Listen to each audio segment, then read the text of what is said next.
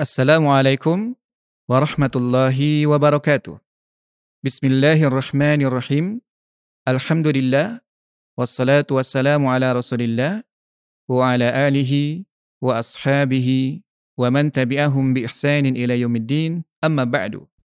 Kaum muslimin yang semoga senantiasa berada dalam ridha Allah subhanahu wa ta'ala. Ini adalah bagian yang ke-41 dari sejarah hidup dan perjuangan Rasulullah Sallallahu Alaihi Wasallam. Pada kesempatan ini, saya ingin mengisahkan tentang Perang Badar kedua dan juga tentang Perang Daumatul Jandal.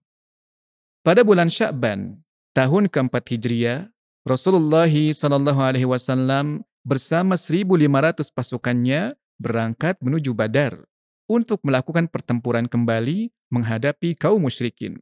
Karena setelah perang Uhud, Sebelum kedua pasukan tersebut berpisah, mereka telah saling berjanji untuk bertemu kembali dalam sebuah pertempuran di Badar.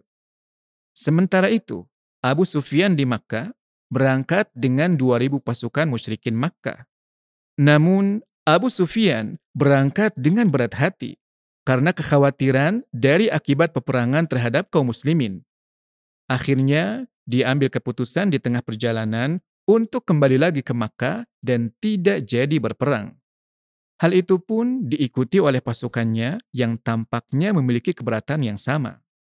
Dengan kejadian tersebut, kaum muslimin kembali mendapatkan kepercayaan diri dan kewibawaannya serta dapat mengendalikan keadaan.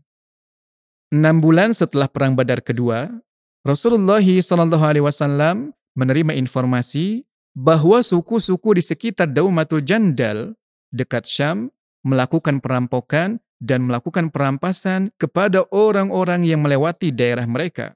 Bahkan mereka telah mengumpulkan kekuatan untuk menyerbu kota Madinah. Rasulullah SAW tidak ingin membiarkan hal tersebut membesar. Segera beliau siapkan pasukannya yang berjumlah seribu orang untuk mendahului menyerang mereka secara tiba-tiba.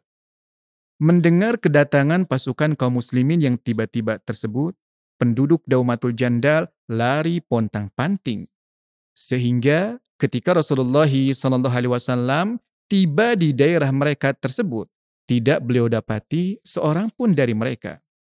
Demikianlah dengan serentetan peristiwa di atas, maka Rasulullah SAW dapat mengontrol keadaan kota Madinah bahaya-bahaya yang mengancam secara internal telah beliau atasi, sehingga kedudukan kaum muslimin semakin kokoh.